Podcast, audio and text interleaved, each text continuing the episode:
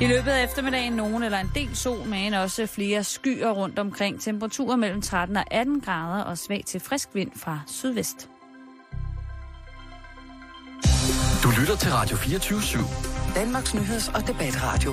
Hør os live eller on demand på radio247.dk.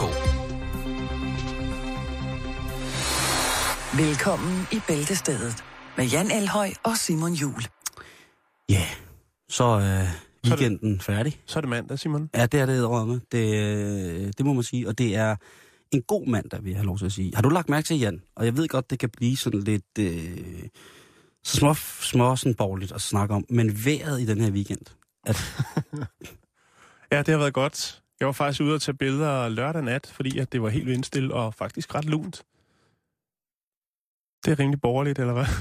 ja, det synes jeg. Det, jeg tænkte bare, det lød lidt lummert, men det er også fint at vi er ude og Øh, billeder lørdag nej. nat.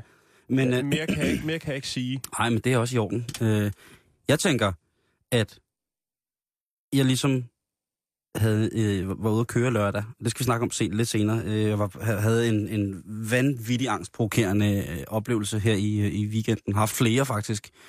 Jeg har været på, på, faktisk på, på randen til sammenbrud i weekenden. Det er, ikke, det er jeg da ked af høre. Havde det ikke været for noget kage, så var jeg gået helt kold. Men hvad hedder det? Der lægger jeg mærke til, at der er sådan en termometer øh, i min bil. Øh, og det troede jeg var gået i stykker, fordi der stod 20 grader. Indian sommer. Mm. Og jeg sad jo i kedeldragt og var klar til alt muligt, men det viste sig, at det var fuldstændig rigtigt. Og det, øh, det er måske Indien sommer. Jeg synes bare ikke, at der bliver lagt... øh, Jeg ser jo utrolig meget vejrudsigt. Hvis der er noget, jeg synes er hyggeligt, så er det se vejrudsigt. Det er sådan så harmløst. Hvad, hvad for en foretrækker du? Og der er mange forskellige. Øh, PT så øh, er jeg meget på den, der hedder Wind Guru, som er en, øh, en, hvad hedder det, en tysk ingeniør, som har en øh, ingeniør, øh, vind, øh, ingeniør hjemmeside til folk, der installerer vind, øh, havmøller, som jeg bruger utrolig meget tid på.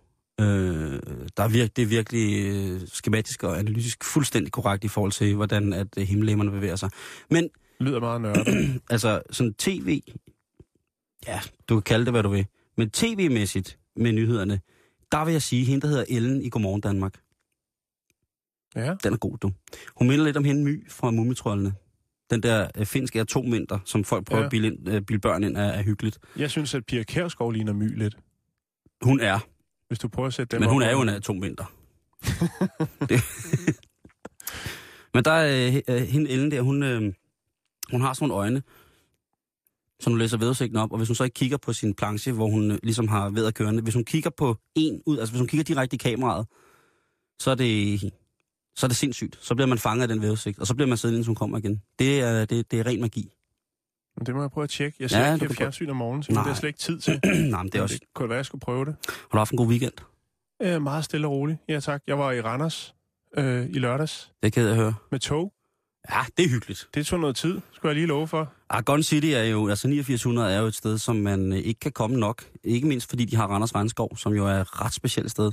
Ja. Det er jo sådan, øh, et eller andet sted, at det er sådan et intellektuelt oplyst sted, hvor man ligesom kan gå ind og lære noget om naturen og faunaen og den generelle tropiske biologi, mm. som vi ikke har i Danmark. Og så på den anden side, så holder der nok øh, den største park af virkelig, virkelig tunede almindelige biler ude foran, når man går i, med, med, med børnesæder i, når man går i Randers Regnskov. Har du tænkt over det? Jeg var ikke nede i den ende, jeg var oppe i den, den fodboldende af Randers. Jeg var med op og kigge på øh, en ny tribune, der er blevet indvidet op. Udbanetribunen. Oha. Den, den var tilskuer. Det var her i weekenden. Ja, ja. Men så er tilskuerne der været glade på den tribune, for det gik Ja. ikke så godt for Randers. nej, AGF vandt. Og ved du hvad, det er meget mærkelige ord, der kommer ud af munden på mig, for jeg interesserer mig overhovedet ikke for fodbold. Nej. Men jeg var på arbejde, og så er det fint nok. øh, så må man sætte sig lidt ind i det, ikke Simon? Nå jo. Så skal man bare råbe, altså hvis du holder med GF, så er det her de vige. De vige for foreningsvanker. Og hvis det Randers, så, Så er det blåt. så ved jeg ikke, hvad det er. Så er det blåt, lyseblåt. Ja, det er jo lyseblåt, men, det, Mhm. mm-hmm. men råber man det? Lyseblå? Det er jo... Jeg elsker lyseblå.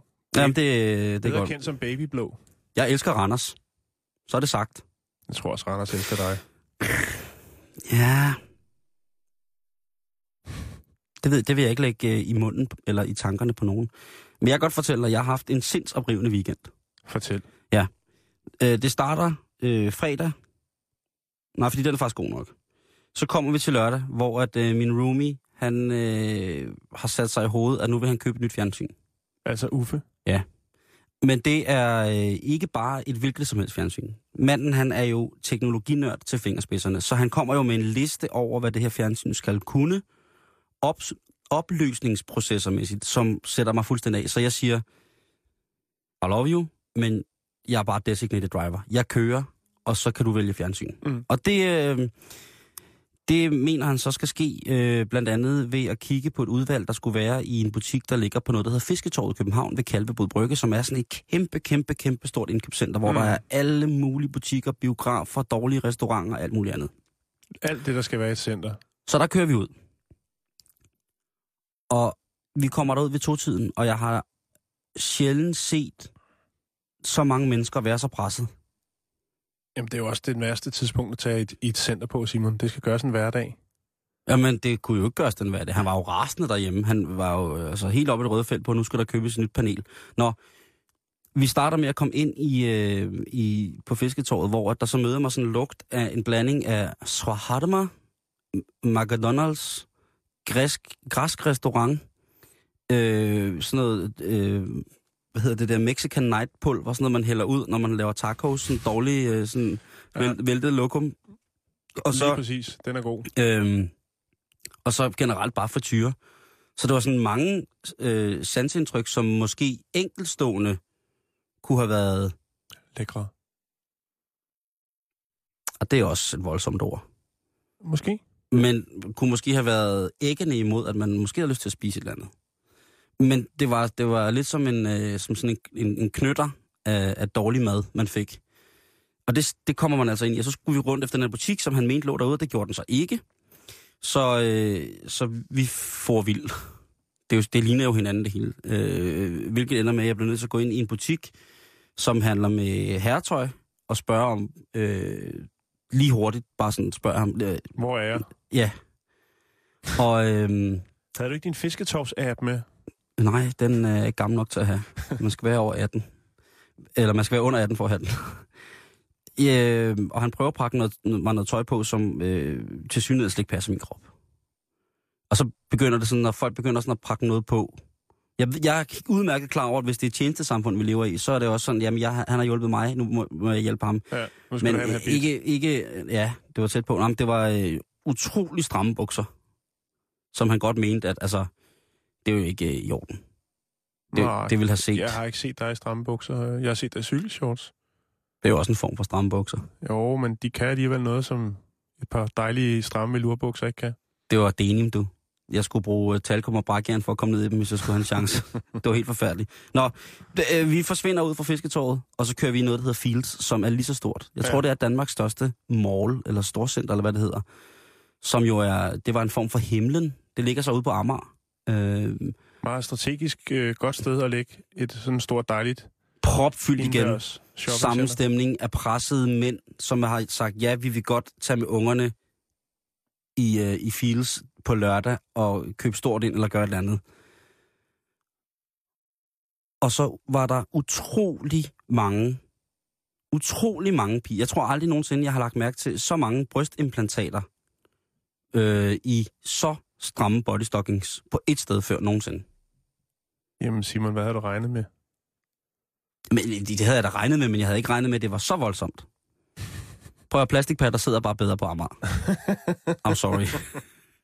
øhm, og, øh, og vi gik tomhændet, øh, eller vi gik også tomhændet fra, øh, eller vi kunne ikke finde en butik, vi skulle, skulle ind i. Så jeg endte i... Men jeg synes, det virker som om Uffe ikke rigtig har forberedt sig, fordi han kunne have taget ned i Hi-Fi-klubben for eksempel, og så skulle han have fandme have fået det fjernsyn, der kunne alt det, han skulle. Jo, jo. Men altså, fisketorvet og Fields.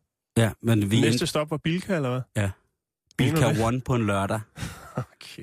Det er fordi, at han ved så meget om det der, så han ved, hvad for noget datateknik, der sidder inde i skærmene. Så han siger, altså, det er det samme, der sidder i den der i Hi-Fi-klubben, som sidder i den der. Men så går han i Bilka. Ja, fordi så sparer man 7.000 kroner, ikke? Jo, det er selvfølgelig ikke nok. når man skal have 100 tommer. Så sparer man de der 7.000 ned til 100.000. Fedt. Øh, men vi fik ikke noget. Nå, Vi fik intet, øh, men jeg synes bare, det var voldsomt, og jeg kan ikke huske, at altså, sådan københavneragtigt, at det er så, så voldsomt et pres, der er. Det er lidt ligesom Djurs Sommerland, hvis man forestiller sig om sommeren, at det så bare bliver lavet meget, meget mindre, men der er stadig lige så mange mennesker ind. jeg har prøvet at være der, hvor der var helt fyldt. Ej, det, var, det var ikke sjovt. Rødme vildt. Og så var, det, så var det Pink Saturday, Pink Lørdag, til fordel for øh, kvinder med brystcancer.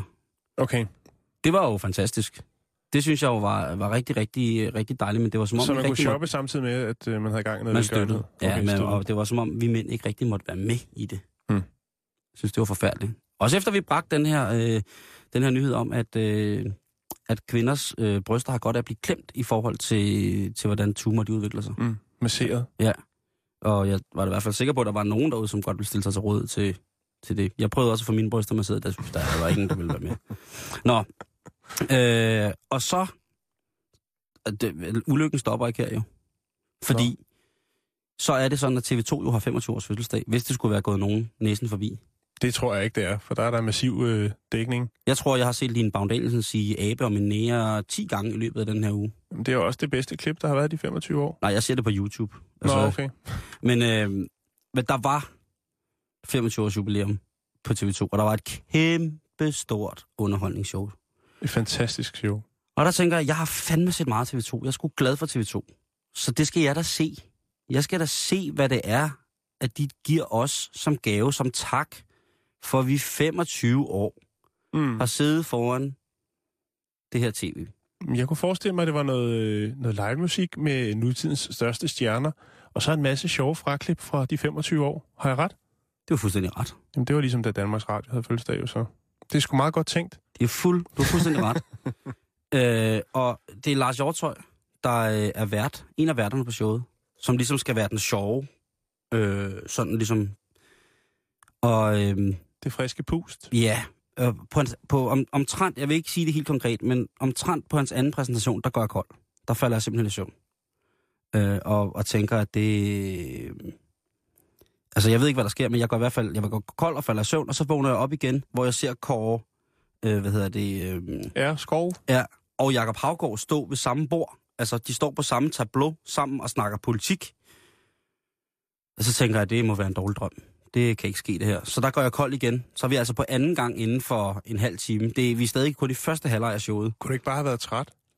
Så vågner jeg op igen. Så er der Line Bagdanielsen, når vi nu snakker om det, som sidder og forklarer noget om den gang på TV2. Og hun ser knaldhammerende godt ud.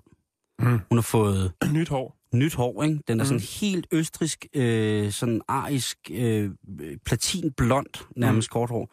Og hendes smilehuller er mere charmerende end nogensinde før. Og ny brille. Var det en ny brille? Ja, det tror jeg. Det var løjebrillen. I hvert fald, jeg, jeg vågner op og tænker, det, det, nu bliver det godt. Nu er Line Bavn Daniels der. Det er godt. Øh, hende kan jeg godt lide. Øh, klip direkte til Jesdorf. Som jeg også godt kan lide. Men som bare ikke har samme punch, synes jeg. Pondus. Ja, pondus, som Line har. Så der falder jeg i søvn igen. Så inden for første halvleg i TV2's jubilæumsshow, der sover jeg tre gange, og vågner bare sådan op sporadisk og får lidt af det. Og jeg, og, og jeg, kan, og jeg kan simpelthen ikke... Øh, jo, så øh, bliver det også til... Det er faktisk fire gange nærmest. Det er- lyder sådan lidt, som om du har tvunget dig selv til at se det, Simon. Det, sku, det, prøv at høre, det fortjener jeg. Det gør du da bare også. have gået i seng. Jeg ikke. ja, jeg sad så oppe i min sofa. det var meget pinligt. Du har også fortjent den gave, Jan. Nej. Du har da også lavet fjernsyn derovre. Jo, jo, men derfor behøver jeg vel ikke at se 25 års jubilæum. Ah, hvad? Det ved jeg ikke. Lidt Jeg vil hellere stå på Daisy i Herning. at se det. Tror du, de har det på storskærm der? Jeg ser Panama. Jeg vågner op, og så er der øh, den danske sangerinde, den bedårende Panama, med Rasmus Walter, Helene Christensens ekskæreste, og Manne Linnet på samme scene, der synger Alting kan gå i tu. Og jeg tænker, hvis det er en fødselsdagsfest, Så er det lidt upassende øh, sangvalg. kaldte jeg dig for ven en gang, så er jeg her nok endnu. Uhuhu. Det bliver der altså, al- altså det bliver der sunget fra TV2 til seerne. Det er selvfølgelig en smuk sang, nogle steder meget melankolsk, men mm. til en fødselsdag, Det går ikke. Jeg havde forventet som minimum en Burhan eller Medina duet. Ja, den er også meget oplagt, ikke? Sebastian og Lillebjarne. Lille Palle. Lille Palle. Den er god. Lille Palle og Lil Wayne. Det vil også være god. Så søndag, der kan jeg ikke noget, Jan. Men det kan jeg da godt forstå med Jeg er den sat ud af øh, spillet. oplevelse. Da, øh, siden i min dagbog lørdag, den er helt sort. Jeg har bare malet den helt sort. Ikke engang skrevet dato, den er bare helt sort. Men nu er det mandag, Simon. Ja, nu er det Så nu skal vi i mandag, gang. og jeg skal- vi på en frisk. Ja, jeg skal beklage, at øh, de skal starte på den måde. Det, er også, det passer ikke nogen steder. Du lytter til Bæltestedet på Radio 24 Øh, har du nogensinde, Jan, øh, flashet billeder af din mad? Eller set folk, der tager billeder på, der, på Facebook, lægger billeder ud af, at de har, nu har de lidt smurt en flot mad? Øh, jeg har aldrig selv øh, gjort mig den slags, men øh, jeg har da en del venner på Facebook, som rigtig godt kan lide at vise, hvor overskudsagtige de er, og hvor fin mad de laver. Det er nødvendigvis ikke særlig godt. Mm, nej, det ved jeg ikke. Jeg bruger ikke så meget tid på at sidde og like det, vil jeg sige. Det er der mange, der gør. Det har jeg bemærket. Inklusiv mig selv måske. Sikke en flot kage, og så videre. Jeg lige smurt en leverpostejsmad. Værsgo. Det er ny forskning fra den amerikanske, øh, hvad hedder det, øh, Brigham Young University, som viser, at øh, det måske ikke er særlig sundt for alle de mennesker, alle de unge mennesker, som øh, surfer den, øh, de sociale medier hele tiden. Det viser sig nemlig, at øh, ud af en undersøgelse, som er foretaget mellem 232 mennesker, så de mennesker, som har siddet og som har virkelig haft et stort forbrug af, af, af de her sociale medier, netop med at kigge på mad, de har spist mindre og mere usundt, efter at de er blevet bombarderet med alle mulige feeds fra folk, som øh, poster deres mad, fordi de tænker, næste gang jeg spiser en salat, så er den absolut, så er den ganske ikke lige så god som den, jeg har set, så jeg gider faktisk ikke at spise den. Jeg synes virkelig, det er en mærkelig undersøgelse. Ja, det synes jeg også lidt. Ja. Den nye, den nye tendens er faktisk, Simon, det har jeg set, der findes en del øh, sider på nettet med det, hvor at øh, folk lægger billeder ud af folk, der tager billeder af deres mad. Og der er utrolig mange asiater, der virkelig tager mange billeder af rigtig meget mad. Det er det nye. Du tager billeder af dem, der tager billeder af deres mad, og så lægger du det op. Det er sådan en slags hævn, kan man sige. En af tingene, de siger, det er i pressemeddelelsen for det her, øh, det er en professor, som hedder Ryan Elder, som siger, at man bliver træt øh, af en smag, uden overhovedet at spise maden. Det er sensorisk kedsomhed. Du er på en måde allerede videre. Du har ikke lyst til at opleve den smag længere. Den sensoriske kedsomhed, Jan. Ja. Det er en stærk satan. Den kan forekomme på Facebook. Ydermere i undersøgelsen, som er publiceret i det tidsskrift, som hedder Journal of Consumer Psychology, øh, så øh, bliver der øh, en af forskerne, der hedder Jeff, det er altså godt, han hedder Jeff Larsen, det er jo, det kan jeg godt lide. Det er et godt navn. Skide godt navn. Han siger, hvis du vil nyde dit fødevareindtag, så undgå at kigge på for mange billeder af mad. Jeg blev selv en smule dårlig under undersøgelsen, efter at have kigget på alle de billeder af søde sager. Jeg tror bare, jeg har det lidt modsat af det her. Nej, det, jamen jeg, Hvis jeg ser en flot pølse på et billede, så tænker du, nu skal jeg ned og købe en pølse. ja, det kunne jeg da sagtens finde på at tænke. Jeg vil hellere, altså jeg har det sådan lidt, hvis folk bliver ved med det der med at lægge madbilleder op, så rører de af listen. Hvis, ah, Jamen, jeg, jeg gider det ikke, Simon. sådan et stykke højt belagt. Jamen, Sol altså, over Gud hjem. så kan, hvis jeg vil sidde og kigge på mad, så kan jeg lige så godt Tordenvejr gå over på Herning. Google og lave en billedsøgning og skrive højbelagt smørbrød, og så kommer der rigtig mange billeder op. Oh, men det er interessant at se, hvad drengene og pigerne har spist. Jamen, altså, jeg ved det ikke. Altså, Fylægens natmad. nogle gange så synes jeg, så handler det om, at folk har brug for at fortælle at de andre, deres venner, at de spiser sundt, ikke? Og nogle gange så handler det om, at de vil vise deres venner, at de faktisk lige nu sidder og sønder og har lavet øh, 40 hotdogs øh, og knappet op for 14 liter øh, kok, jo, ikke? Øhm, og så er der dem, der ligesom poster bagebilleder for at ligesom vise, vi er, selvom vi har tre børn, så er der masser af tid til at lave cupcakes og så videre, ikke? øhm, og så er der dem, der tager måske sådan et madorg og tager billeder virkelig meget pizza for eksempel. Se, se, hvad vi har gang i her. Vi spiser rigtig, rigtig meget, ikke? Ja. Jeg kan altså ikke helt forstå det. Jeg, jeg, jeg er ikke helt med i det spil der. Hvis nu du havde lavet den perfekte æggestand til et stykke med røget ål. Ja. Så vil jeg putte Du havde det. fået skåret purløgn helt fint. Alt spillet, og du havde måske sjældent været så stolt over at kunne kreere så voldsomt et udtryk i ål og æggestand. Havde du så ikke postet det? Jeg Nej, ved, du lige har havde- fået Instagram.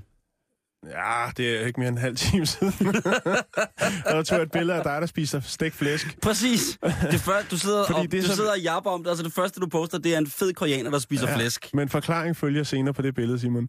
Øhm, ja, altså, jeg ved, nej, jeg vil sgu ikke... Jeg, når jeg laver mad, så laver jeg mad, og så skal det nydes. Jeg, jeg har ikke... Øh, altså, jeg har, jo, jeg har jo fotoudstyr derhjemme. Jeg har jo lamper. Jeg kunne jo lave det ondeste, det ondeste scenarie med, det, med de madting der, men det interesserer mig ikke. Altså, Nej. Det, der er interessant i det, det er for eksempel, hvis du er lidt småforelsket en pige, som du kender på Facebook, så er er der faktisk en fransk filosof, som har sagt følgende. Fortæl mig, hvad du spiser, og jeg vil fortælle dig, hvem du er. Så du kan rent faktisk sådan nogenlunde finde ud af, hvad for en type pige det er, ud fra hvor mange billeder, der ligger, og hvad det er, hun indtager. øhm, Hvis man finder en sød pige, og der så kun kun Rom, læg- billeder af billeder- romsnegle. af romsnegl og torskerovn, Ja. Så skal man måske... øh, Så enten så har man måske fundet lykken, Det kommer, ja, måske. men det, det er vildt nok. Når, jeg, jeg har jo egentlig ikke tænkt over det. Jeg, jeg er jo tosset med mad, men jeg øh, virkelig... Jeg skulle, sådan, jeg skulle sidde og tænke lidt over, hvor mange... Jeg gik lige min Facebook igennem, bare for at se, hvor mange madbilleder jeg har postet. Mm. Øh, og jeg fandt fire, og det var alle sammen omkring samme projekt. Øh, Så der synes du selv, du virkelig har haft gang i noget fedt. ja, men jeg havde en hummer på som hat. Okay, så der var lidt humor indover. Ja, det er madsvineri, vil nogen sikkert sige. Mm. Men, øh, men det var det. Men man skal altså passe på med det. Det kan gå øh, frygt, frygteligt. Ud over frygteligt, ens venner. Hvad siger du? Det kan gå ud over ens venner. Ja, det kan gå ud over, hvem man har lov til at blive venner med. Det kan jeg godt, i hvert fald hvis det er, er mig, der har en finger med i spillet. Jan, vi har en fantastisk gæst øh, med her i programmet lige om lidt. Ja, Øh, jeg glæder så, mig rigtig meget. Så jeg synes bare, man skal, skal blive hængende, hvis man vil finde ud af, hvem den spændende gæst er. Åh. Oh. Du lytter til Bæltestedet på Radio 24 Din værter er Jan Elhøj og Simon Juhl.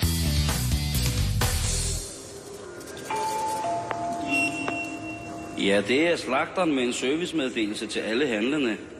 Hvis du har benyttet dig af jumbo-tilbuddet på 250 kilo hakke, kalv og flæsk, så kan du måske finde rester af en arbejdskittel, to åndedrætsværn og et læsbriller. Hvis du finder resterne, så bare læg dem tilbage til informationen, og så refunderer vi selvfølgelig det uspiste kød. På forhånd tak. Øh, Jan, har du nogensinde været til en koncert, hvor at, øh, alt var playback, og hvor du var så sur, at du næsten gik? Nej, jeg går ikke så meget til popkoncerter, og det er jo ofte der, at den slags fremkommer. Det er rigtigt. Det er fordi, at øh, den kæmpe store popstation i USA, Kiss FM, de har øh, fået et løfte ud af Britney Spears, som siger, at nu er det slut med Sing Back. Okay? Hun indrømmer øh, øh, i samme sætning jo, at hun faktisk har øh, lavet Sing Back. Øh, men nu vil hun synge live, og det, der er sejt ved Britney, det er jo så, at hun siger, jeg gør alt, hvad jeg kan for at gøre det live, men det kan godt være, at det kommer til at lyde lidt dårligt. For så godt synger jeg måske heller ikke. Det er jo også en ærlig sag. Det er fandme en ærlig sag. Ja. Hun, øh, hun er jo også mor, og forhåbentlig er hun blevet mere voksen. Hun har fået håret tilbage på hovedet og sådan nogle ting. Så jeg synes, det, jeg synes, det er død cool, øh, at hun gør det. Og det er der, altså, det, det, er- i virkeligheden, så synes jeg, det viser format. Jeg synes heller, hun skulle have sagt, at jeg skulle have gjort det fra starten af. Ja, men Hvilket hun jo også gjorde jo. Så, meget format vil hun så heller ikke vise. øh, men jeg tænker bare på, om det er en rigtig god idé. På en eller anden, side, på en eller anden måde, så har hun jo, øh, hvad hedder det, ligesom... Hun har lovet det nu. Øh, og jeg har fundet en, øh, en, øh, en lydbid, hvor at Britney Spears faktisk synger live. Det glæder jeg mig til at How høre. you guys feeling? Der går det meget godt, ikke? Jo. I want everybody to make some noise for HBO. Woo! Oh, baby, baby, how was I supposed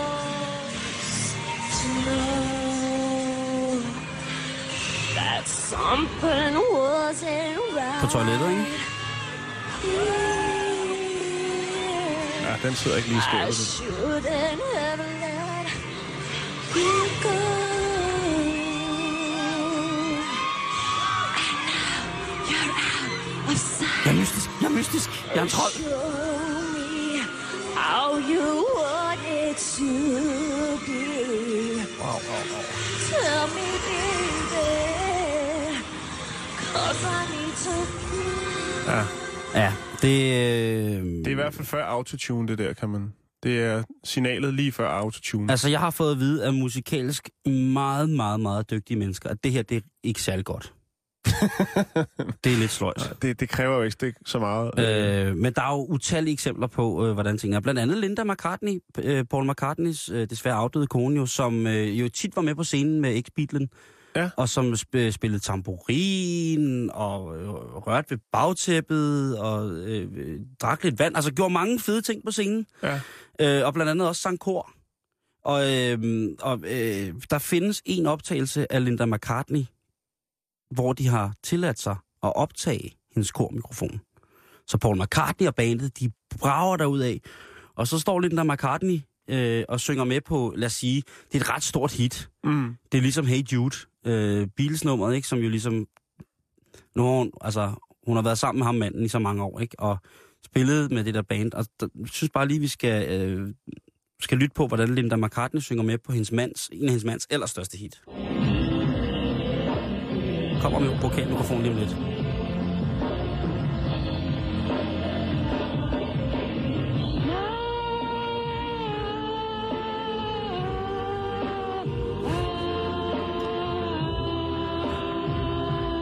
Det kan, det kan tilforladeligt bruges.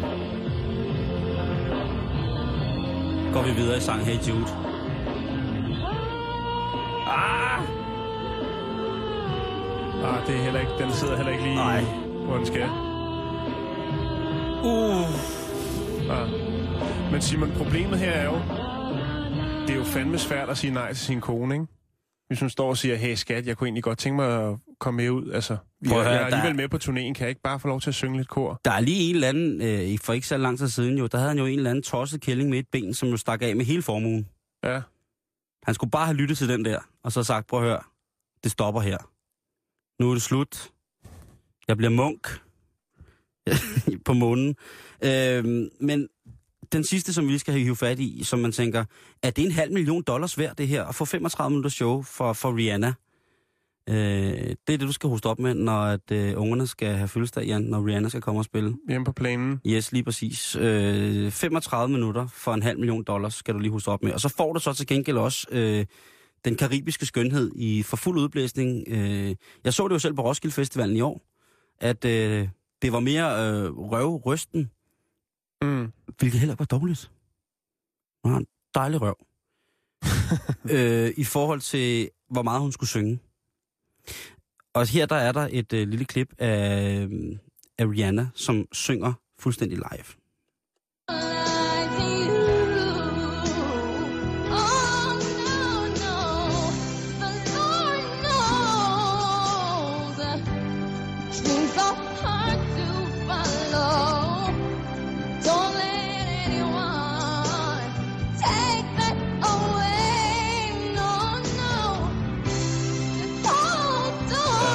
Så siger vi tak til Rihanna her. Som, øh, så hvis du har en... Er det øh, optaget på Oslobåden? jeg tænker... øh, karaokebaren, eller hvad? jeg tænker sådan øh, tøserhavs noget tøjbyttedag nogle gange. Ikke? Så jeg tænker sådan tøjbyttedag, hvidvin, noget tærte, øh, lidt mere hvidvin, og så frem med karaoke-maskinen. Ja. Den er ikke, den er ikke helt god. Den, den er fandme stram, den der. Øh, men, det, men Simon, der er vel også... Altså, det er jo popmusik, ikke? Og, og, og mange Det vil jeg da skide på. Jamen prøv at høre, det der er ved det, det er jo, at mange af dem her, det er jo faktisk nogen, der øh, kun synger i studie. Øh, de har ikke været ude on the road, øh, ligesom så mange andre Mm-hmm. øh, i andre musikgenre gør, hvor de tager rundt øh, på turné først. Her, der bliver der først ligesom lavet noget i et studie, hvor der bliver klippet noget sammen, og så skal vi på on the road, og så har vi lige øh, klippet noget sammen også, der kan køre bagved for at øh, st- understøtte vokalen. Ikke? Og det er jo egentlig derfor, at, at det oftest lyder sådan her, når det er popmusik. Men Altså... Det er altså, faktisk også med popmusik, hvor man har mest travlt med, om de rent faktisk kan synge rent. jo jo, men det, det kan du sige, men jeg ved ikke, om du vil ka- kategorisere Celine Dion som popmusik. Men jeg har da set Celine Dion, og det er ikke noget, jeg er øh, udbredt stolt af, eller skal have tatoveret steder på min krop, at det har jeg gjort, men det har jeg. Og jeg er ikke øh, stor Celine Dion-fan. Det er nok nærmere omvendt. Men Altså, jeg må, hun er fan af dig? Ja. Hun ringer hele tiden. Der, hov, der kom en ny ind på teleskriveren der. Nej. Og der vil jeg sige, der sang hun altså, så, så alt stod på mig. Og det var ganske live med et stykke klaver, og så Celine mm. Dion. Øh, Jeg har set Tony Bennett, som Men jo- hun er vel heller ikke sådan, øh, så, hvad hedder det, studievokalist. Hun er jo en, der ligesom har stået rundt omkring på de bonede gulve rundt omkring, ikke? før hun ligesom røg ind. Er hun, var, hun den, var hun den første vinder af et eller andet det ved jeg ikke, en gammel mand. American Idol, et eller andet, jeg kan ikke huske Jeg det. er ikke sikker. I hvert fald, Det kan godt blive bedre. det kan i hvert fald godt blive bedre. Så hvis man, øh, men til gengæld, hvis man har, mangler at skyde 35, eller man mangler at skyde en halv million dollars af, så ved man, at så kan man da i hvert fald få Rihanna hjem til, øh, til tøjbytdag, og så kan det være, at hun synger en lille smule falsk for dig, hvis du er rigtig, rigtig heldig. Du lytter til Bæltestedet på Radio 24 Så Simon, så skal vi til det. Ja. Vi har gæster i dag, og øh, ja, hun er vant til at blive revet godt rundt af den danske presse øh, med overskrifter som øh, Annie skrider fra tildelt bolig, Annie vælter sig i mænd, Annie i jobtræning i vandløse, Annie bag trammer, Annie maler nøgen kvinde, eller kvinder, Annie inviterer til mandestrip. Hvis man søger på hendes navn, altså hvis man googler det, Ja. så top 5 over det, der bliver søgt på, Det er nøgen, topløs, model, alder og som ung. Velkommen til Annie Brink. Tak for det. Har du nogensinde prøvet at google dig selv?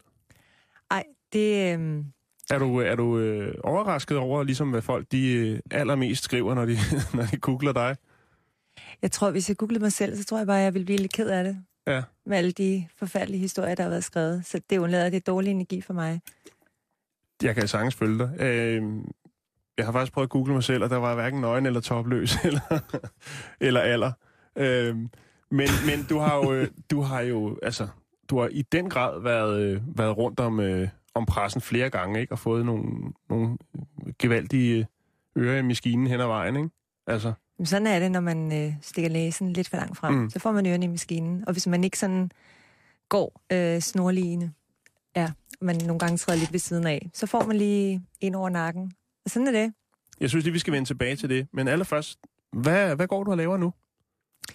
Jamen nu øh, går jeg og laver en masse sjove ting.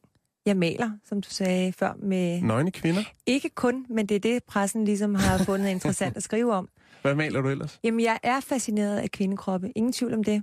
Og det, Det er, kan, der kan jeg godt følge dig, faktisk. og Det det var- er synes også, det er store skidegod idé, numser, Annie. og det er små numser, det er store bryster, det er små bryster. Det er... Jeg bliver bare aldrig træt af at kigge på det. Der, jeg er 100% I med. Jeg, jeg, jeg, jamen, jeg kan godt øh, følge dig lidt. Det. Ja. Jeg, ikke, at jeg, jeg har ikke kommet så langt, som jeg er gået i gang med at male. Det er bare ind i hovedet. Det er også bare noget andet, når man ligesom sætter sig for det som mand, og skal finde nogle modeller, ikke? End hvis man er kvinde, og skal finde nogle kvindemodeller. Jo, det er måske også Det mere... bliver sgu lidt mere lummert, hvis man... Altså, Ja, det er Det- måske mere virke, det er mere savligt, når kvinder maler kvinder. Ja. Altså, jeg har jo tit tænkt på det der, når, at, øh, når gamle mænd, de skal male unge damer, ikke? så skal sidder sådan lidt rødvinsagtig mand med sådan en farvepalette, ikke? Ja. Og en kittel på, og, og sådan en fransk baskerhue og siger, du skal komme hjem til mig, ja. og, så skal Det- det- og det er ren kunst, og så maler jeg dig på billedet. Så tænker jeg, at det er måske lidt mere i orden, øh, at det er dig, der maler øh, kvindekroppe, end det er måske også, fordi det bare var mig, der var den gamle mand med baskerhunden, at det var noget forfærdeligt stas. Jamen, jeg prøver at lave øh, en masse abstrakt med forskellige farver. Og det er tit øh, farver som grøn og blå og rød. Og, og det, det synes jeg kommer noget rigtig godt ud af. Man kan så sige, at den periode, hvor jeg ligesom har været sat lidt ud af spillet, hvor jeg sad oppe i Hotel Glitterlø, der var det sådan meget dut med farver. Altså, det var sådan meget mørke, gråt og trist. Og det er klart, det var jo sådan, jeg havde det på det Så det tidspunkt. satte også øh, sit præg på din kunst. Altså man kan sige, det var det eneste, jeg kunne lave. Det var sådan set at sidde og male. Så øhm, ja, det fik jeg tiden til at gå med. Så har du jo bare øh, kørt, kørt rammer ind, øh, læret. Ej, i nej, ikke, ikke så meget. Nå, Nej. okay. Det var sådan, din, din celle var sådan en hissig en, hvor der bare var malet overalt. Ej, det får du med. Oh, her, det får man ikke lov til. Man, Nå. man, det er lige før, man skal søge om, om du må sætte en skrue i væggen. Skiderækker. Ja. Så Har du altid malet? jeg har malet i otte år, Okay. og det har altid bare været, hvad kan man sige, en hobby. Det var ikke meningen, at jeg ligesom skulle udstille. Men øhm, sådan er det nogle gange med tilfældighederne, at øhm, der var en, der syntes, at jeg malede rigtig godt, og så sagde han, ved du hvad, jeg er ved at dø af kraft. Kan du ikke være sød og sælge nogle af dine malerier? Og jeg tænkte bare, jamen selvfølgelig. Og så røg de på Ja, laurits.com. den, den må jeg lige høre igen. Mm. Den der, den, jeg er ved at dø af kraft. Kan ja. du ikke sælge nogle af dine malerier? Ja. Hvad, skulle det så hjælpe ham, eller... Jamen, prøv at, altså, hvis, Den- du, øh, hvis du har kræft, og du skal have behandlinger i Tyskland, Mm-hmm. så kan du bare skrive en check på omkring 70.000 hver eneste gang, du tager ned til Tyskland. Mm-hmm. Så det har almindelige mennesker ikke råd til. Så okay, så det, du gjorde det for velgørenhed i virkeligheden. For at, at du solgte nogle malerier, så han kunne få en behandling. Var ja. det sådan, det hang sammen? Ja, og det første, det var oh, til en varm seng. Ja, kan I huske, jeg var inde, og, Mm. mm. hvor jeg var højgravid, hvor jeg rendte rundt og skulle øh, hjælpe et havebærg. Mm. Mm. Og jeg synes simpelthen, det var det mest deprimerende sted at komme ind. Og så sagde jeg til dem, ved du hvad, I skal have noget kunst på væggene. Og jeg er aldrig nogensinde blevet modtaget med øh, sådan nogle glade mennesker, som da de fik et af mine malerier på væggen. Fedt. Fedt. Og der havde jeg bare lavet et stort hjerte, øh, sådan et rødt hjerte, og så med nogle personer i baggrunden, som ligesom skulle symbolisere, lige meget hvem man er, så er der hjerterum her, det her sted. Mhm. Mm-hmm. For her er der plads til alle, lige meget om man er fra Polen eller øh, Afrika, eller hvor man var. Det er det, jeg synes, der var godt ved det havebærg. Der var ikke alle de der restriktioner for, hvem havde adgang. Ja. Fandt du måske noget hjerterum til dig selv også der?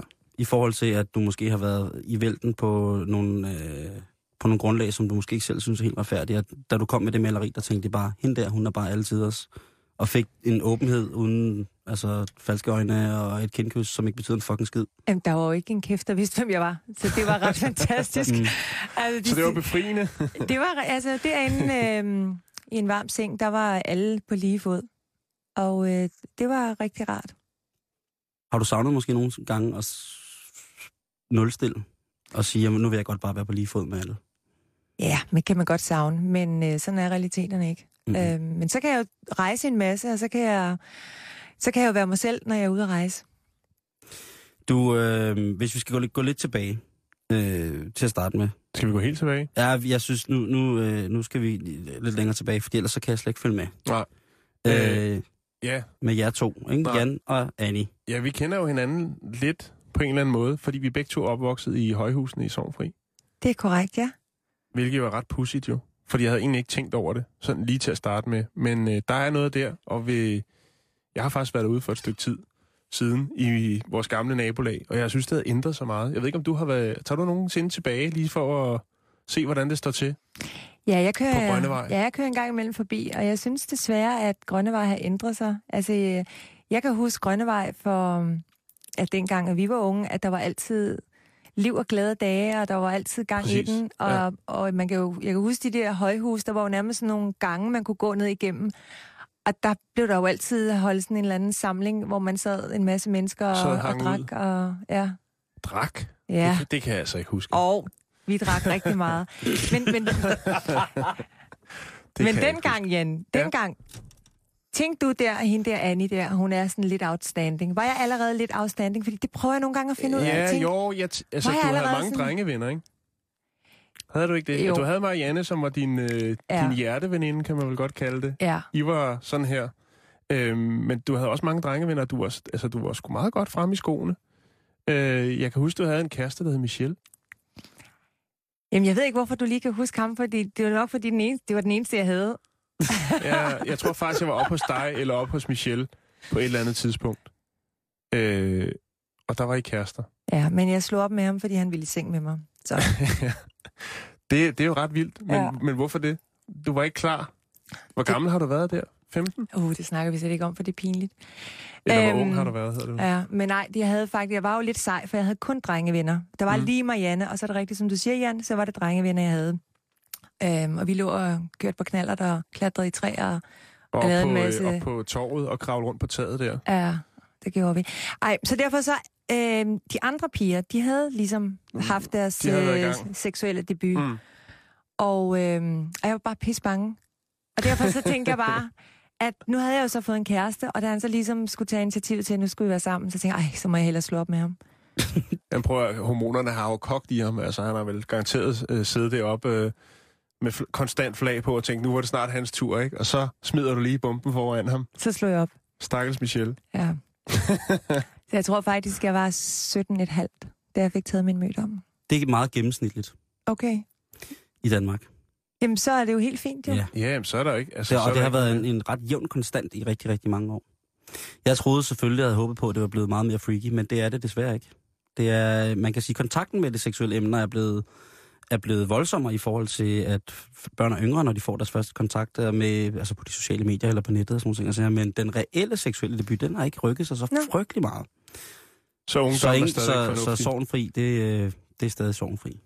Det, jeg lagde mærke til derude, det er, at der ikke er nogen børn, der leger mere. Der er tre legepladser, ikke? Et ved hver højhus, og der er helt tomt. Er godt det, være, de er det en lavet ghetto, I kommer fra? Eller Nej, er det er det ikke. Ah, nej, Ja, det, det er var... Nordsjælland, her, hold da kæft. Nå, jeg, jeg, jeg, jeg slap dog af, altså, jeg spørger. Nej, det er det ikke. Øh, altså, jeg kan huske dengang, da min øh, mor og far flyttede ind, der var det et forholdsvis fint sted. Selvom mm-hmm. det var almennyttige bolig, og så Ja. var det altså med øh, marmorbord og sofa nede i opgangen, og dørtelefoner og reception, vaskeri. Øh, sågar en hundevagt, der gik rundt og sørgede for, at alt var, som det skulle være i området om aftenen. Øh, så fik kommunen nogle, øh, nogle lejligheder i ejendommen, og lige derfra gik det ned af, af bakke. Altså, vi snakker, de har sådan nogle små etværelser nede i stueplan, og der er både alkoholker, øh, som er ret vild. Han sidder oppe på torvet i sin trehjulede knald, og der drak øl. Og nogle gange så kunne man finde ham nede i svinget, hvor han så var væltet, hvor han så lå med gashåndtaget i fuld, på fuld rulle. Og lå bare, øh, og lå og prøvede at finde ud af, hvad fanden der var, der var sket. Øh, han fik en kæreste, der boede skråt overfor i opgangen, som hed Åse. Ja, det er rigtigt. Øh, og det, som de havde til fælles, det var de ligesom connected, det var, at de begge to brændte deres lejlighed af. Ja. Øh, Kan du også huske det? Ja, men det, der er så sjovt, det er, hvis det havde været i dag, at, øh, at vi boede i sådan et øh, almindeligt boligselskab, mm. og der lige pludselig kom sådan en hel stribe folk ind, som var psykisk syge, som brændte øh, huset af og røg alt for meget has og drak. Øh, jamen, så tror jeg, at der er mange sådan, der ville holde børnene væk. Hvor dengang, der var det ligesom... Altså, vores forældre det stod var ikke... gratis underholdning. Ja, altså vores forældre stod ikke og sagde, ej, nu må jeg altså ikke gå ned til, Nej. til stive lister nede. Nej. Det var bare, det var en del af... Ja, ja, og ham, og, øh, alkoholker der, han boede Ja. nede i stuelejligheden. Øh, og der kunne man så stå og kigge ind ad vinduet. Han sad og spillede ovl, og det var faktisk sådan, han brændte sin lejlighed af. Det var faktisk, fordi Han han, sad, spillede Aarhus. han sad og spillede ovl, og så, og så op, han optagede det så på sådan en båndoptager, når han spillede. Det lyder helvedes til. Men så en dag, så skulle han lige rense øh, tonehovedet på den der båndoptager, og det gjorde han så med en smøg i kæften, og så brændte hele lortet af. Øh, så var der også Kirsten Ekman, som rendte rundt og råbte nede på gaden. Kan du huske hende? Ja. Hun var ret vild. Hun var, altså, hende var man sgu bange for. Og hun øh, gik hele vejen, når hun havde været... Jeg ved ikke, hvor hun var henne, men så gik hun altid langs højhusene og råbte sådan noget. Jeg ved, hvor du er. Kom ud af hækken og sådan noget. og Med sådan en lidt mørk stemme. Og hun var sådan en meget velklædt dame. Øh, og så var der også en, der hed Karsten, der boede i det sidste højhus. Når man ringede på døren hos ham, så løb han efter en. Det kan... han var ret vild. Så det var sådan en meget god hobby. Øh, der foregik en del dengang. Altså jeg vil sige, Sorgfri, det var det perfekte sted for et barn at vokse op. Vi havde i hvert fald en rigtig god barndom. Helt bestemt. Helt bestemt. Hvor lang tid siden har du hørt de her historier, Annie? Jamen altså, det er jo... Da Jan han ringede til mig her i går og begyndte at sidde og snakke om alle de historier, jeg havde ligesom fortrængt det. Hvorfor? Altså med vilje, eller var der bare ikke plads til det mere? Nej. Jamen, øh, man går ikke sådan og tænker på det så meget. Øh, det var jo dengang, og det er ved at være mange år siden. Ja, det kan man jo sige. Ja. Der er løbet noget under broen. Ja, det må man Det sige. er der i hvert fald. Øh, for begge to. Jeg, jeg kunne egentlig godt tænke mig at høre lidt om det her, øhm, altså det der med dit fængselsophold. Hvorfor det var, du endte der. Der var noget med, at du ville lave nogle bedre vilkår for kvinder, der... Og jeg skal prøve at gøre det meget kort. Jeg gør det. Altså, jeg, jeg har faktisk fået, jeg, har- jeg har fået to domme. Og første gang, øhm, det var jo fordi, jeg kom hen et sted, hvor der sad nogle ret ubehagelige mennesker i baglokalet, og lå en madras på gulvet, og så sagde jeg til min veninde, prøv at høre, det er da ikke sådan et sted, du arbejder. Jo, jo. Og så var det, jeg sagde til hende, prøv at høre, det her, det kan da bare gøres meget bedre. Og der blev A-gruppen skabt. Mm. Efter øh, 3-4 år gik det faktisk lige pludselig rigtig godt. Altså i starten, der var der ikke nogen, der ville arbejde nede i et nyt sted, fordi der var ikke nogen penge at tjene. Men da folk ligesom fandt ud af, at det var sgu nogle ordentlige piger, og de kunne godt lide sex, så begyndte der lige pludselig at ske noget. Så vi fik rigtig travlt, og det kom rigtig meget i medierne. Og lige pludselig, så en dag, så kommer politiet og siger, nu har, de, nu har vi fået en anmeldelse, at du driver bordel. Og jeg Mm. fik så en betinget dom, fordi jeg havde lejet ud til nogle piger, hvor jeg tog 100 kroner i timen, for at de kunne få lov at benytte de her lokaler. Under ordnet forhold. Ja, ja, ligesom mm. Hvis du leger dig ind på et hotel, det her, det er så bare meget billigere. Der betaler man ikke en tusse i timen. Men 100 kroner, så var der alt, hvad pigerne skulle have. Da jeg ligesom får den dom, så tænker jeg, prøv at det er jo ikke, det er jo ikke vejen frem at begynde at beskæftige sig med noget, som der ikke er nogen ordentlige regler for. Mm.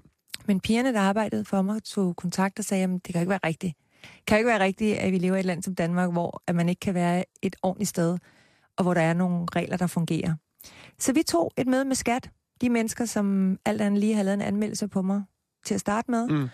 Og øh, der var 22 klinikker inde til møde ind hos skat, og de siger så til os, Altså jamen, klinikker, er det bordeller? Ja. Okay. bordeller. Jamen, jeg Så skal bare lige være sikker, fordi jeg, det, det, så, Du ved ikke, hvad en klinik er. Sådan, når vennerne siger, skal du med ned på en klinik? nej, de siger hus. Okay. Og så siger jeg. Den er, ja, Ja. ja. Ja, vi skal Det- på huset. det tør jeg ikke. Nå, Jeg har karantæne. men, Nå. men som sagt får, får vi så at vide, at man skal tage en entré, sådan så man ligesom separerer, hvad der er pigernes indtægt, og øh, kunderne betaler for at få lov at benytte faciliteterne. mm-hmm. Og det får lov at køre i fem år.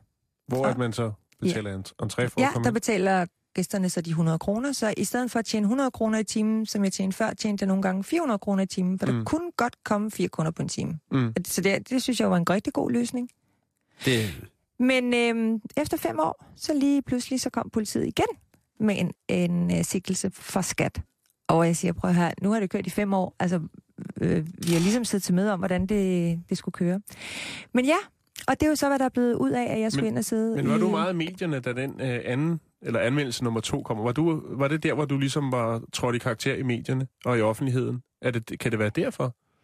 Jamen altså, jeg kan jo ikke sidde her og sige, hvorfor. Jeg, jeg, altså, jeg har jo min egen teori om, at det er klart, at de brugte øh, mig fordi de fik så meget øh, PR på det. Mm. Så det har jo skabt en masse af alle folk til at sige, i, hvor er det godt, de gør noget. Øhm, så det er selvfølgelig opfra. Altså, det er jo ikke politiet, der, der, der har kommet der i fem år og drukket kaffe med pigerne og sagt, hvor er det et ordentligt sted, der lige pludselig finder ud af, at nu, nu, nu tager vi og knaller det her bordel, mm. som egentlig er et dejligt Meget sted for sjovt pigerne. ordvalg.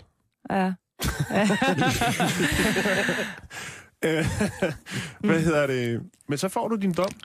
ja, og, At- og du 18 ved, vi, og vi river selvfølgelig skat ind og Mm. siger, prøv her, hvordan kan det være, at man, man sidder med, med pigerne og siger, at det er sådan, de skal køre det, og, øh, og så lader man det køre i fem år. Mm.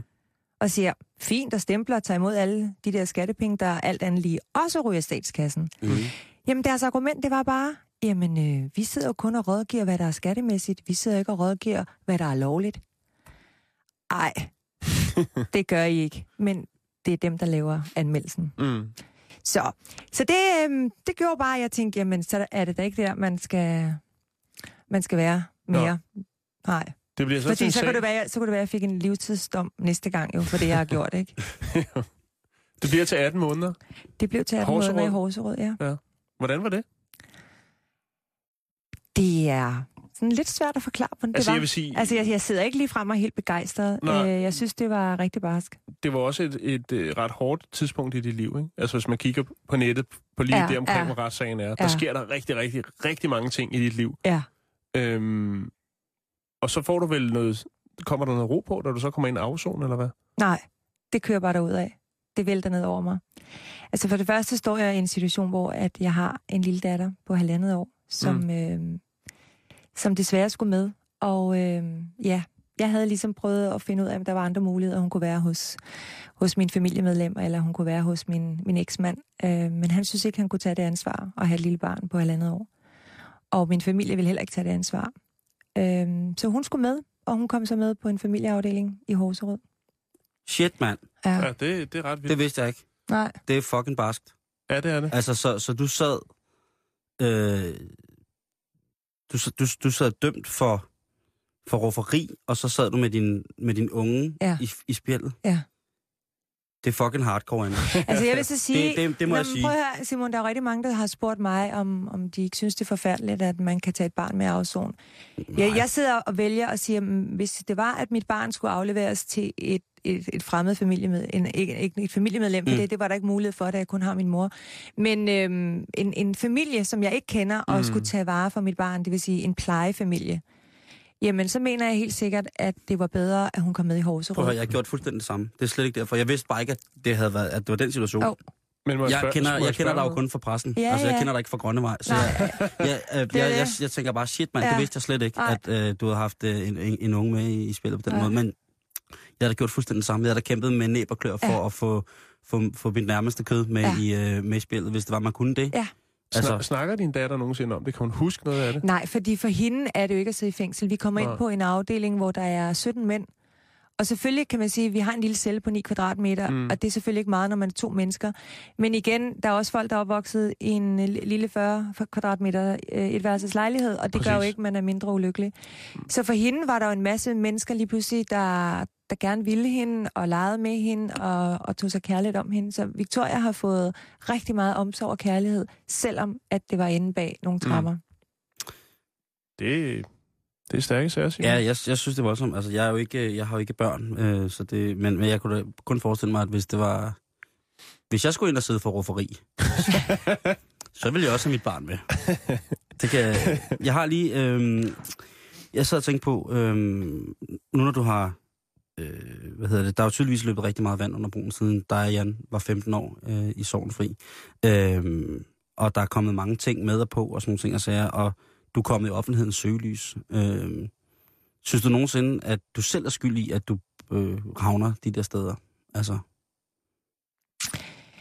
Jamen altså, det er klart, at øh, man er selv skyld i det, hvor man havner. Mm. Altså, man er jo ikke selv skyld i, at man bliver kaldt alle mulige grimme ting, om det er monster, eller skamferet, eller en dårlig mor. Øhm, altså, det, det, er jo, det er jo bare sådan nogle overskrifter, som virkelig rammer en. Det er man ikke mm. selv skyld i. mm-mm. Men jeg er 100% selv skyld i, at, øh, at jeg endte op i Horserød. Jeg kunne bare, første gang jeg havde fået en dom, sagt, "Nå, men ved du hvad, så bakker jeg ud af det.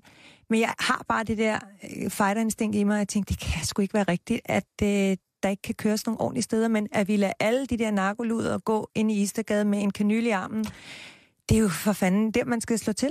Mm. I stedet for, at man tager alt det, som alt andet lige prøver at køre øh, by the book og betaler sin skat og sørger for, at, øh, at det er ordentligt faste rammer. Det er, øh, det er stærke sager. Det er, jo heller, det er jo heller ikke det, pressen lige beskæftiger sig mest med mere, vel? Det er som om, det er, det gudskelov ser lidt ud.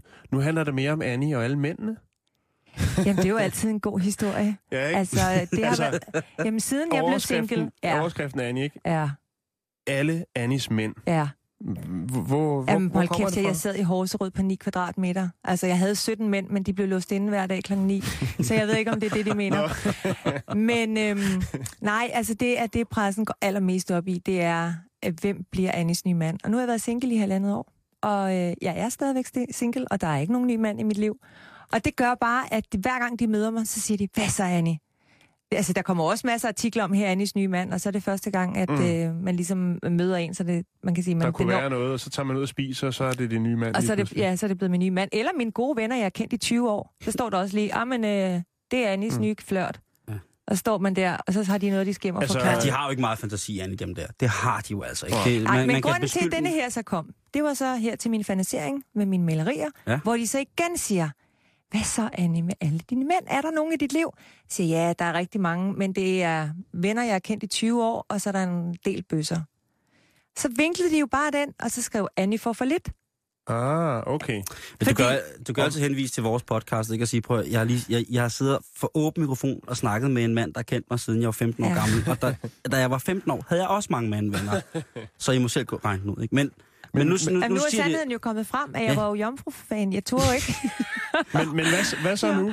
Altså, tænker jeg, nu skriver, Ja. nu skriver de så, at du får for lidt. ja. Hvad sker der så på Facebook, jo som er... Øh, det scorestad nummer et. ja. Hvad sker der så, når, når sådan en overskrift den popper op? Jamen, Der må kom- komme nogle tilbud, Ja, der kommer også nogle. Dejlige tilbud. Ja, der kommer nogle ret øh, sjove tilbud. Altså, hvad, hvordan sjov? Altså, går, går de lige til den, eller er det Nej, først med middagstilbud, eller hvad? Ej, de tager det sådan stille og roligt og skriver, om hvis du får for lidt, kan du altid lige sende en sms eller en, en, en besked Okay. ind på Facebook. Altså, jeg eller... havde forestillet mig, at det var sådan noget, du fik sådan nogle lige på, ikke? Altså, hvis, øh, hvis man trods alt... ah, men det gider er jeg slet ikke at svare på. Nej. Altså, det gider jeg ikke. Og derfor får du dem vel alligevel. Du selvfølgelig ikke Ja, det er på rigtigt nok, men der, der bestemt svarer jeg ikke på. Jeg tænker, at der kan han skulle tage en spiller i stedet for.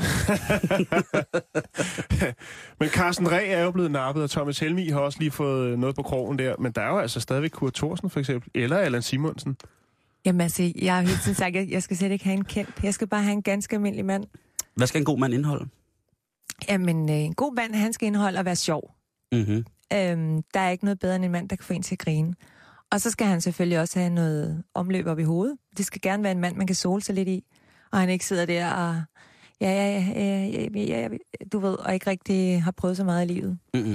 Så det skal selvfølgelig være en, der um, har prøvet lidt og har, øh, lidt, lidt med, og har lidt med i bagagen. Der er simpelthen, jeg bliver nødt til at spørge dig om. Når man nu har drevet bordel, ikke? Har dit syn på mænd så ændret sig? Nej, overhovedet ikke. Jeg tror bare mere, De er stadig jeg... nogle svin. nej, nej, det synes jeg da ikke, det er. At man er svin, fordi man kommer på bordel. nej, nej, overhovedet ikke. Nej, det synes jeg da ikke. Nej, nej. Det jeg an på, synes, for en jeg synes, man man går er, på. jamen, jeg synes det er mere, man er svin, hvis man er gift, og man har en elskerinde, hvor der lige pludselig er følelser involveret. Men det der med, Mm. at man, man siger til sig selv, jeg har et behov. Det har vi alle. Jeg har ikke. Du, Tærter, det er synd, det er jo tærter synd og for dig digte. jo. Tærter og digte, tærter og digte. Ja. Det vil jeg sige, Simon, det er synd, hvis du ikke har et behov. Men jeg er ikke 15 endnu, Annie. Ja, okay. Jeg tør stadig ikke. Så nej, øhm, Det har ikke ændret sig. Dit Nej, syn på mig. nej.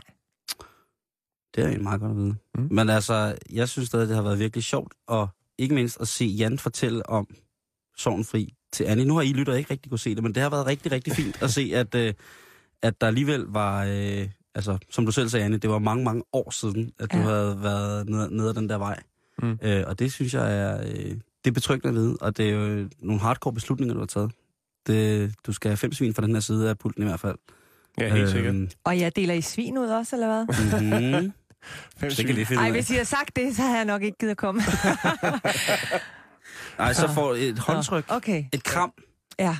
hvis det er bedre. Ja. Hvis det er mandigt nok. Du skal i hvert fald have tusind tak, fordi at du gad at kigge forbi. Det var rigtig hyggeligt. Og jeg vil bare sige um, på genhør. Jamen tak, og vi glæder os til at se mere til din kunst. Ja, og Ja. nu skal I lige huske, at jeg holder en stor fest den 19. Ude Det er. Dagmarskroen, ja. Og det er for cirka 100-150 piger, der kommer ud og bliver serviceret af lækre mænd i bare overkrop. Det er ikke mig så. Kan Nej, men du, kan, men du kan komme efter kl. 23. der, må, Der, jeg- der der, må du komme ind. der skal jeg seng.